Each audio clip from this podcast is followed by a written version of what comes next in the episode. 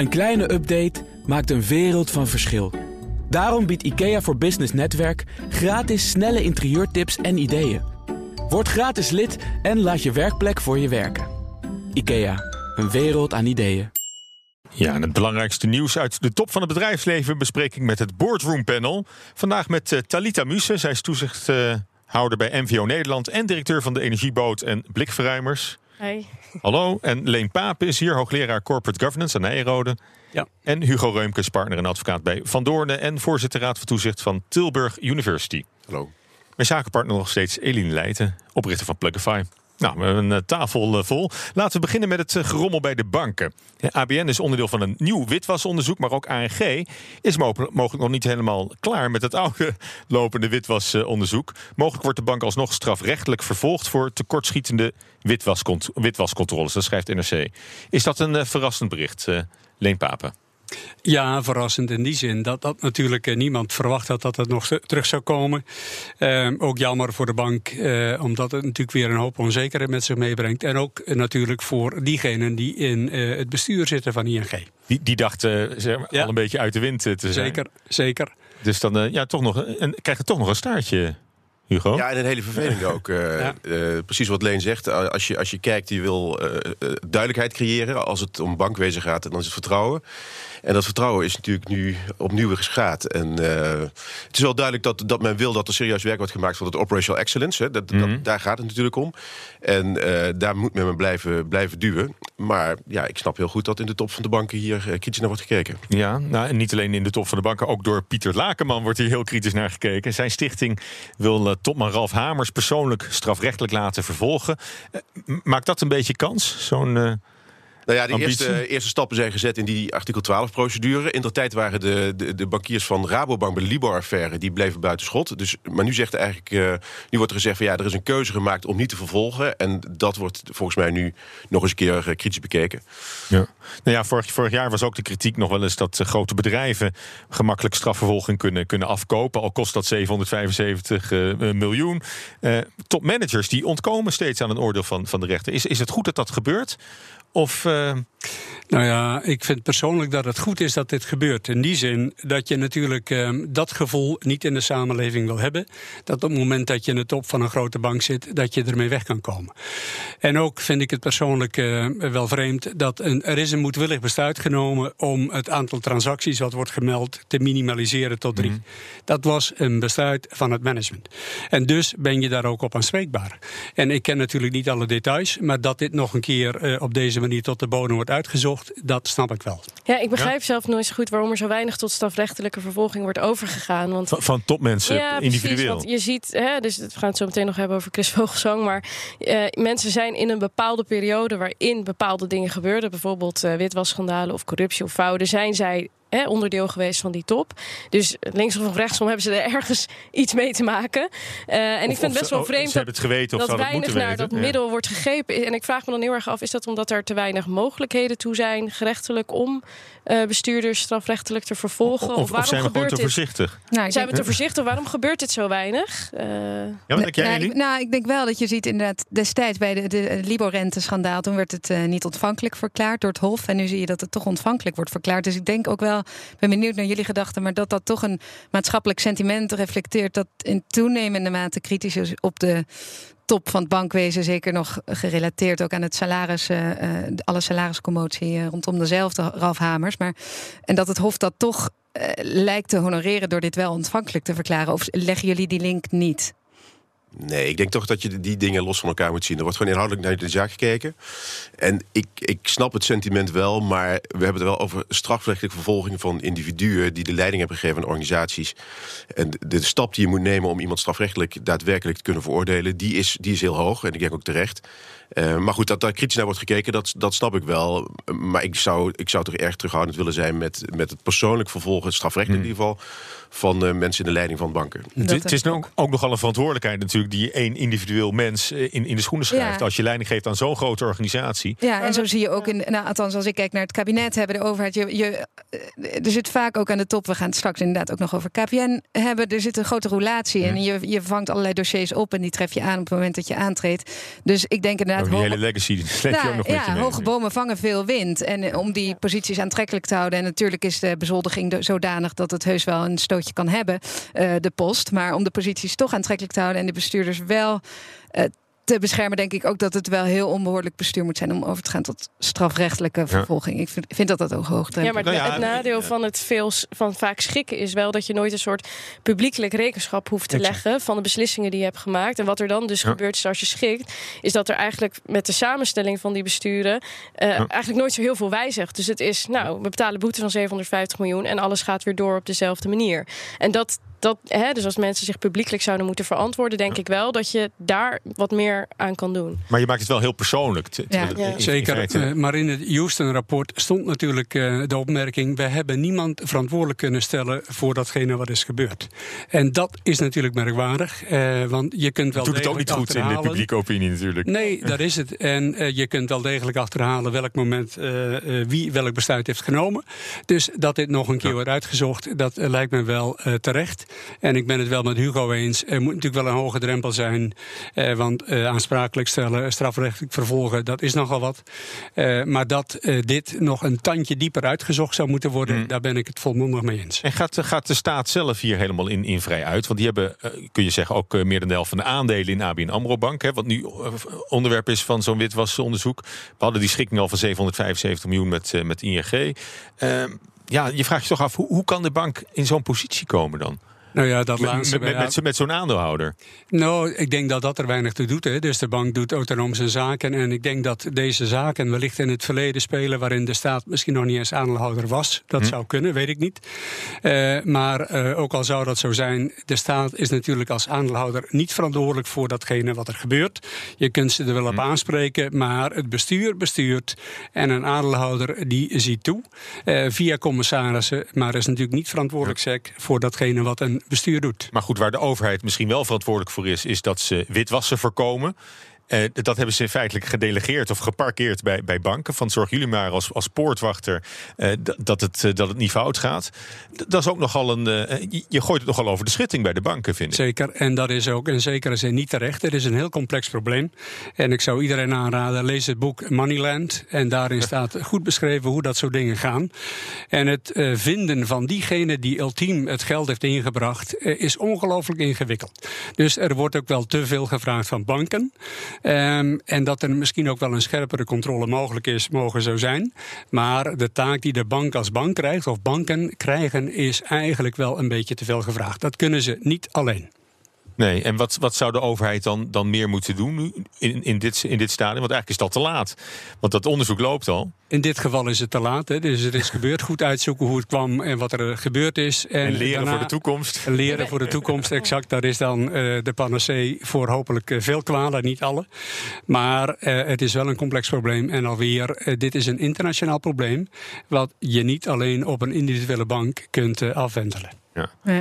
Als ik eh, daar een opmerking bij kan maken, vind ik het toch wel de primaire verantwoordelijkheid van de bank die al die gelden onder zijn hoede heeft om eh, hier commerciële prioriteit aan te geven. En dat is wel waar ik de parallel zou willen trekken naar bedrijven als Facebook, waar het uiteindelijk toch gewoon gaat om een prioritering van je agenda. En eh, dit is niet commercieel het meest aantrekkelijk om eh, morgen te op, op te pakken. Maar net zoals Facebook zich verschuilt achter, ja, maar het is gewoon zo ingewikkeld om die livestream meteen te detecteren. Dus het gaat allemaal om prioriteer je commercie of maatschappelijk belang. En dat zie ik toch ook wel. Zo wordt er breder uitgemeten dat bij de ING dit gaat om een cultuurprobleem. Wat helemaal niet Ralf Ramers persoonlijk is aan te, aan te rekenen. Maar wel het systeem prioriteert commercie. En als we daar als maatschappij een vuist tegen willen maken, eh, dan vind ik wel dat banken die primaire verantwoordelijkheid zouden Nee, moeten dragen. ja, ik ben het wel hier heel erg mee eens. Ik ben zelf een keer rotgeschrokken bij een interne commissie ethiek bij een van onze grote banken. En daar werken twee mensen met amper middelen om eh, intern een hele bank door te gaan lichten. En ze reageren alleen op meldingen die door medewerkers worden gemaakt.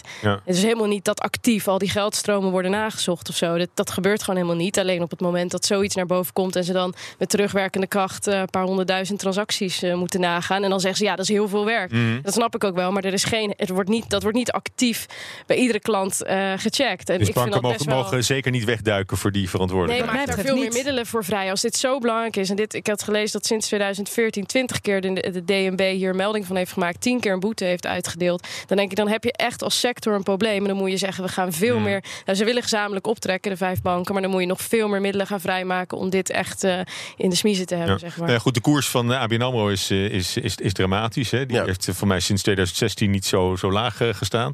Ehm, het is van belang dat dat snel geschikt wordt ook. Maar to- toch voor- voorzie ik eigenlijk een herhaling van die hele ING-zaak. Dat ze het op, de, op dezelfde manier ongeveer gaan doen. Ja, dat risico loop je natuurlijk wel. Dat kost drie kwart miljard en dan... eh, Van de andere kant dwingt het ook in de boardroom de juiste keuze te maken. Want eh, wat we hier zeggen is eigenlijk dat het, eh, die operational excellence... dat is een belangrijke taak die de banken hebben gekregen. En het is veel sexier om met andere thema's Hmm. bezig te zijn. Maar je luister operate eh, gaat er wel om dat je dit op orde hebt. En eh, nou ja, de, de, de, de staat voelt dit wel. Maar uiteindelijk wordt het publiek natuurlijk hier de dupe van... omdat de boetes worden afgewenteld op de beurs. eh. Ja, is ook alweer zo. Nou ja, goed. En in, in Denemarken hebben ze hier ook lucht van gekregen. Hè. De Sociaaldemocraten in Denemarken die willen de aanstelling van Chris Vogelsang, hè, oud eh, bestuurder van ABN Amro, die nu de Danske Bank daar een beetje moet, eh, moet redden. Want die hadden ook al een witwasprobleem. En nu hebben ze een topman die, die zelf in zijn tijd bij ABN Amro ook met, met witwassen te maken had. Ja, en dus hij zei ik distancieer me. En dat lukt natuurlijk niet. Want eh, op het moment dat het gaat over een periode waar jij ook in het bestuur zat, ja, dan ben je gewoon ook in die zin aansprakelijk. Ehm, en natuurlijk eh, zitten ze daar eh, als een eh, eh, mevrouw Leroy te kijken naar wat moeten we nou doen.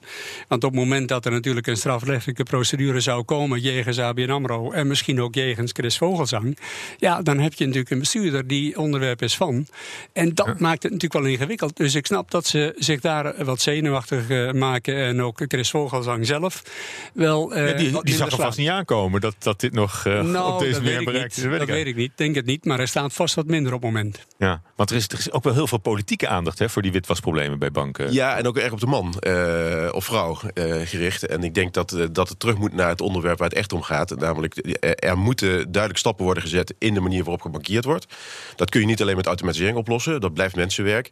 De bedoeling is dat er snelle interventies plaatsvinden. Maar niet dat er een verkramping komt dat uiteindelijk helemaal niks meer mogelijk is. Omdat de mensen zelf niet meer eh, aan de bal durven. Maar erkent de sector wel genoeg dat ze zelf echt een probleem is? Want een derde van al het geld wat in Nederland gewis- witwas wordt, gaat dus via onze reguliere banken. Is dat, eh, erkent de sector wel voldoende dat dat echt een supergroot maatschappelijk probleem is? Nou, erkent de maatschappij dat wij een probleem hebben gecreëerd. Ja. Eh, Dus Nederland is een doorvoerland van Nou ja, ja, dat transferpassagiers, eh, zeecontainers, eh, drugs geld. en Zwart geld. fout geld. Ja. En fout geld. Ja. En daar is natuurlijk een probleem wat we als maatschappij ook politiek hebben gecreëerd. Door eh, dat te faciliteren met rustkantoren en alles erop en eraan. Daar is heel veel aan gebeurd in de afgelopen jaren. Maar dat oude zeer is natuurlijk nog wel aanwezig. Ja.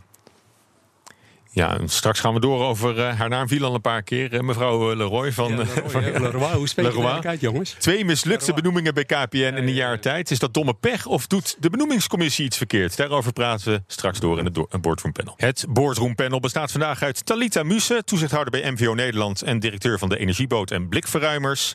Leen Papen, hoogleraar Corporate Governance aan Nijrode. En Hugo Reumkes, partner en advocaat bij Van Doornen. En voorzitter Raad van Toezicht van Tilburg University. Mijn zakenpartner is nog steeds Eline Leijten van Plugify. Nou, goed dat jullie er allemaal zijn. Eh, we hadden het al even. We konden nog niet laten om vooruit te blikken op eh, het volgende onderwerp. Eh, bij KPN is de benoeming van de nieuwe CEO Dominique Leroy, of Leroy, ik denk Leroy, ingetrokken. Omdat er een onderzoek eh, naar haar loopt naar handelen met voorkennis. Eerder stapte Maximo Ibarra al binnen een jaar op. Twee mislukte benoemingen kun je zeggen in een jaar tijd. Onder leiding van Duco Sikkingen, president-commissaris. Is dat nou domme pech of is, is daar meer aan de hand? Ik weet eigenlijk niet wie ik daarvoor moet, moet aankijken. Hugo, weet, weet, weet jij meer van deze? Nee, ik weet er niet meer van. Maar ik weet niet of het helemaal domme pech is. We hebben eh, in een vorig boardroom panel al even stilgestaan bij de vertrekkende CEO. Eh, ik denk dat dat vooral was bedoeld om de, om de strategie opnieuw te, te herijken. Nou, dat is gebeurd en er werd gezegd... er is iemand anders nodig om die strategie te operationaliseren. Dat, dat is begrijpelijk. Maar dat moest en zou iemand van buiten zijn. We willen Ja. niet onze eigen mensen nu. eh, Ja, nou ja, er waren veel kroonprinsen. En Hmm. eh, er, er was uiteindelijk een kroonprinses. Maar die, eh, die- ja, dat, ik snap wel dat, dat die benoeming benoeming niet is doorgezet. Uh, ik denk dat dat, uh, dat dat tot veel problemen zou hebben geleid. En dan is, uh, is het devies in de boardroom volgens mij rust en continuïteit. En daar is nu duidelijk voor gekozen. En in dat opzicht vind ik wel een verstandige keuze. Ja, alleen het proces zelf verdient geen schoonheidsprijs natuurlijk. Nou ja, dat is, ja, dat, is, is, dat, is dat pech? Kan, kan je het gewoon slecht treffen? Of is het gewoon dus, uh, timing? Paul, en... nou ja, Paul Koster zei van, uh, ja, dit hadden ze moeten checken. Uh, misschien hebben ze die vraag gesteld. Heb je aandelen en wat heb je gedaan? en dan denk ik dat ze op dat moment zou hebben geantwoord dat ze het heeft verkocht. En dat dat allemaal mocht. En achteraf bleek dat misschien toch niet zo te zijn. Dus dat is in die zin pech. Het staat nu wel vanaf heden op de checklist voor elke raad van commissarissen mm. bij een benoeming. Maar ik denk dat het toch wel een beetje pech maar is. voorkomen terecht dat als zo'n zaak boven de markt hangt, dat je dan afscheid neemt van zo'n kandidaat. Zeker. En ook in het licht van het feit dat er natuurlijk al een tijdje lang wordt gezocht. En ook uh, en iemand moest komen. En je niet nog een keer zes maanden tot twaalf maanden kan gaan wachten tot er hm. iemand gevonden wordt. Dus ik snap die keuze ook helemaal. Ja. Nou, ik, ik, vond het wel een beetje zonde, moet ik zeggen. Want ik dacht van, nou, een stoer wijf, die, die, die kan wel wat. Ja. Lijkt me een geweldige uh, Ja, dat is heel jammer. Volgens mij ook omdat K nou, KPN is lange tijd ook echt heel goed aanvoerder geweest... van veel vrouwelijke benoemingen, benoemingen aan de top. Dus dat is wel jammer dat dan nu dat niet zich reflecteert in een Heb je nu een vrouw die zich als, als, een kerel heeft gedragen? Nou, door, nou ik weet niet of dat een mannen-eigenschap is. Ik denk dat dit typisch is voor mensen aan de top. Weet je, ik denk dat mensen dagelijks leven zich totaal niet herkennen... in foute aandelentransacties. Dit is typisch iets voor als je aan de bestuurlijke top zit... dat je in dat soort uh, gevaren begeeft denk ik. zou dat ik dat soort eh, problemen had. ja, ik zou je ook geen genderlabel aan willen plakken. Ik zou alleen wel een lans willen breken voor het uh, benoemen van vrouwen als vrouw in plaats van wijf in de BNR nieuwsprogramma's. Dat lijkt me voor de maatschappelijke oh, beeldvorming nee, Ik bedoel het als, als een geuzennaam hoor, alleen maar als uh, stoer. En... Zeker, maar mannen zijn mannen en vrouwen zijn wijven. Dat lijkt me niet bevorderlijk. kerels, mannen zijn dan kerels. En, uh, nou, Dit komt niet meer goed. Dit komt niet meer goed. Niet meer goed. Gaan we na de uitzending wel even op, op door. Ja, goed idee. Als je wil. Zo, zo was, kan, toch was het niet eh, bedoeld. Kan je van een dame mag benoemen. Eh, prinses Maxima zou dat noemen een beetje dom. Hè? Dat een is beetje het dan wel. Uh, dus uh, ongelooflijk dat je dit laat overkomen. Want je kunt uh, of de compliance officer inschakelen... of je kunt een advocaat inhuren... om nog even te checken of je datgene wat je voornemens bent te doen... ook inderdaad kunt doen. Want je weet dat dit soort dingen ongelooflijk gevoelig zijn. Ja, dat kunnen en ja, dat moeten weten. Dat Zeker. Is, dat is, dat is helemaal duidelijk. Zeker. En, maar, en wie kan je dat dan aanrekenen? Want, want beursgeno alle beursgenoteerde bedrijven hebben een commissie van, van commissarissen voor, voor benoemingen van de, van de hoogste post. Nou, bij KPN hebben die er dus niet veel van, uh, van gebakken. Moet, nou, je, moet, je, moet, je, dat nog nadragen? Of, uh... Ik, ik, denk het niet, maar uh, nee, ik, ik, denk echt dat uh, dit, dit is een, een, misstap van, van de kandidaat zelf. Die heeft duidelijk een verkeerde inschatting gemaakt uh, en een transactie aangegaan die niet kan. En dan denk ik dat de Raad van Commissarissen juist heel adequaat heeft gehandeld door nou ja, de, de, niet, niet alle onderzoeken af te wachten, maar een duidelijke inschatting te maken. Dit, dit schaadt de onderneming dermate veel dat we nu iets anders moeten gaan doen. En gelukkig voor KPN stond er iemand in de coulissen klaar, die, die, die al hmm. geruime tijd stond te wachten. Maar, die stond de vorige keer ook al klaar. Ja, ja, zo is het. En ik denk dat ze blij mogen zijn dat er nu uh, dat, dat uh, ja, de, de, huidige kandidaat uh, de, de, rust heeft bewaard en, en, en, bleef zitten waar hij zat. ik denk wel dat het handig is dat je als je kandidaat bent voor zo'n functie, dat je dit soort dingen proactief meldt. En dat, dat weet ik niet. Of dat Mhm. is gebeurd. Ik kan me voor, hè, ja. met de minister wordt aangesteld, moet je ook even langs zitten om aan te geven: ben je chantabel of zo? Of heb je iets geks gedaan de afgelopen tijd waar je of, hè, publiekelijk uh, backlash van kan krijgen? Ik weet niet of zij actief dat heeft uh, gemeld in de, in de gesprekken met de Raad van Commissarissen. Maar goed, wat, wat zou de commissaris hiervan van moeten, moeten leren van deze hele gang van zaken? Ja, ik vind dat heel lastig. Ik bedoel, je hebt geen controle over zo'n kandidaat als diegene dit gewoon op eigen houtje zelf heeft gedaan en zelf een inschattingsfout heeft gemaakt. Dan dus hier aan tafel hebben we houdt het op wat zelfs RFC uh, kan, verder kan controleren. Om het bij de kandidaat zelf ja, te, Ik denk ook, je, als commissaris kun je wel een bepaald niveau van gedrag aannemen van uh, kandidaten op deze positie. Weet je, je hoeft ook niet uh, te testen of ze niet onlangs strafrechtelijk gekke dingen hebben gedaan. Weet je, je kunt een bepaald gedrag aannemen. En ik denk ook dat dit een misstap is die de Raad van Commissarissen niet valt aan te rekenen. Ja. Ik denk wel dat het bijzonder bijzonder is dat je, als je naar zo'n Joost Varwerk kijkt, vind ik het wel groot dat hij die post nu gaat bekleden. En ik, dat KPN ook echt heel blij mag zijn met zo'n kracht nu die intern uh, opstaat en een geweldig track record heeft, als ik het goed begrijp. Mm. En uh, dat vind ik wel getuigen van echt uh, loyaliteit het bedrijf en, en leiderschap dat hij die post ja. nu zo bekleedt. Terwijl die twee keer klaar stond en twee keer te licht is bevonden. Ja. Of in ieder geval dat er twee keer aan een andere kandidaat de voorkeur is gegeven. Ja, en, en, en jij bedoelt goed, goed dat hij niet te trots is om Absoluut. alsnog ja, dat, dat vind dat ik zo doen? bijzonder en getuigen van een weinig prioritering van je eigen ego en gewoon het bedrijf dienen en blijven zitten. En ik denk ook wel anticiperen dat het avontuur met ehm, de Italiaan niet eeuwig zou duren. Maar ik vind dat bijzonder en lovenswaardig. Ja. En, en voor de commissarissen, wat, die van, van de benoeming? Nou, er is natuurlijk in zoverre bij Is het geen B-keus dan? Nou, dat, dat weet ik niet. Ik ken uh, de situatie onvoldoende. Maar het is natuurlijk wel bijzonder dat het uh, ook bij Elko Blok is gebeurd. Hè? Dat was ook de vraag: is dat wel de goede man op het goede moment? Het gebeurt nu weer. Hij is twee keer te, gewogen te licht bevonden. Ja, zijn ego is dus niet zo groot dat hij zegt: laat me zitten. Maar dat is een pluspunt waarschijnlijk. Ja, dat is een te, te prijzen. maar goed, de afwegingen die zijn gemaakt rondom opvolging, succession planning. Ja, eh, zou je toch nog wel eens even willen kijken, jongens, wat hebben we als KPN eh, gedaan als Raad van Commissarissen? Want dat dit op deze manier al een paar keer is gebeurd, eigenlijk drie keer, nou vier keer misschien wel, ja, dat is toch wel iets te veel om toeval te zijn. Ja, weet je, zit ook met een, met een procesprobleem. In die zin dat als je uh, hiermee begint, dan stel je een profielschets op. En als je naar de kandidaten kijkt die er nu uitkomen, kan ik me niet voorstellen dat de profielschets altijd gevolgd is. Dus het is ook een beetje uh, handel naar bevind van zaken. Hmm. En die profielschets, dat is eigenlijk de basis waarop je die benoeming zou moeten doen. En als daar drie totaal verschillende figuren uitkomen, ja, dan is in dat proces in ieder geval iets niet goed gegaan. Ja. Nou, we hebben het er al even over gehad. Ik werd eh, terecht gecorrigeerd op mijn uh, woordkeus. Maar uh, de diversiteitskwestie. Ik denk dat KPN graag een, een, met een vrouw was gekomen nu. Ja, en, en, en op het moment dat, dat, dat, dat, de vrouwelijke kandidaat afvalt, is dat ook ineens helemaal helemaal van tafel. Ik denk dat als je kijkt naar uh, prioritering, dan is uiteindelijk de continuïteit in het bestuur uh, belangrijker dan, dan de diversiteit handhaven. Ik neem zeker aan dat diversiteit het onderwerp was in die profielschets. Maar als je uiteindelijk moet kiezen, dan, dan heeft denk ik KPN op dit moment de juiste keuze gemaakt. Ja, want daar was haast bij, uh, bij geboden. Wat, wat, wat vinden de dames aan tafel? Hadden, had, had, nou, het toch, had het toch doorgezocht moeten worden naar een vrouw? Dat je nu iemand interim zeg maar eh, benoemt? Nou, nee, ik kan me vinden in de gemaakte analyse. Ik denk wel dat het benadrukt hoe belangrijk het is om ook in de lagen onder de top die vrouwen klaar te uh, stomen. En dus om continu eigenlijk de root cause aan te vechten. Al te beginnen met uh, meer flexibel werken toestaan. Om gewoon voor vrouwen in de hele piramide van een onderneming een ander klimaat te scheppen. Waardoor je een brede pijplijn hebt en niet extern moet zoeken. Ja, dus in de succession planning had het beter gekund. En um, ja, nu nog zoeken naar een dame, eh, dat kost 6 tot 12 maanden. En dat was natuurlijk geen optie meer. Ja, het was mooi geweest als een kroonprinses was. Hè? Ja. ja, top. Ja, helaas. Nou, dat, helaas. Uh, misschien, misschien bij een volgend eh, bedrijf. Hè, want al die grote bedrijven, al die, al die nationale iconen eigenlijk, die, die zullen vroeg of laat toch ook wel, uh, zou je denken, een, een, een vrouw benoemen ja. aan de top. Dank jullie wel. Uh, het boordgroeppanel van vandaag. Talita Musse, toezichthouder bij NVO Nederland... en directeur van de Energieboot en Blikverruimers.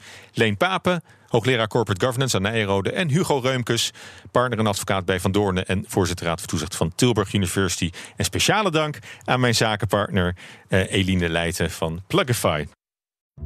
Als ondernemer hoef je niet te besparen op je werkplek.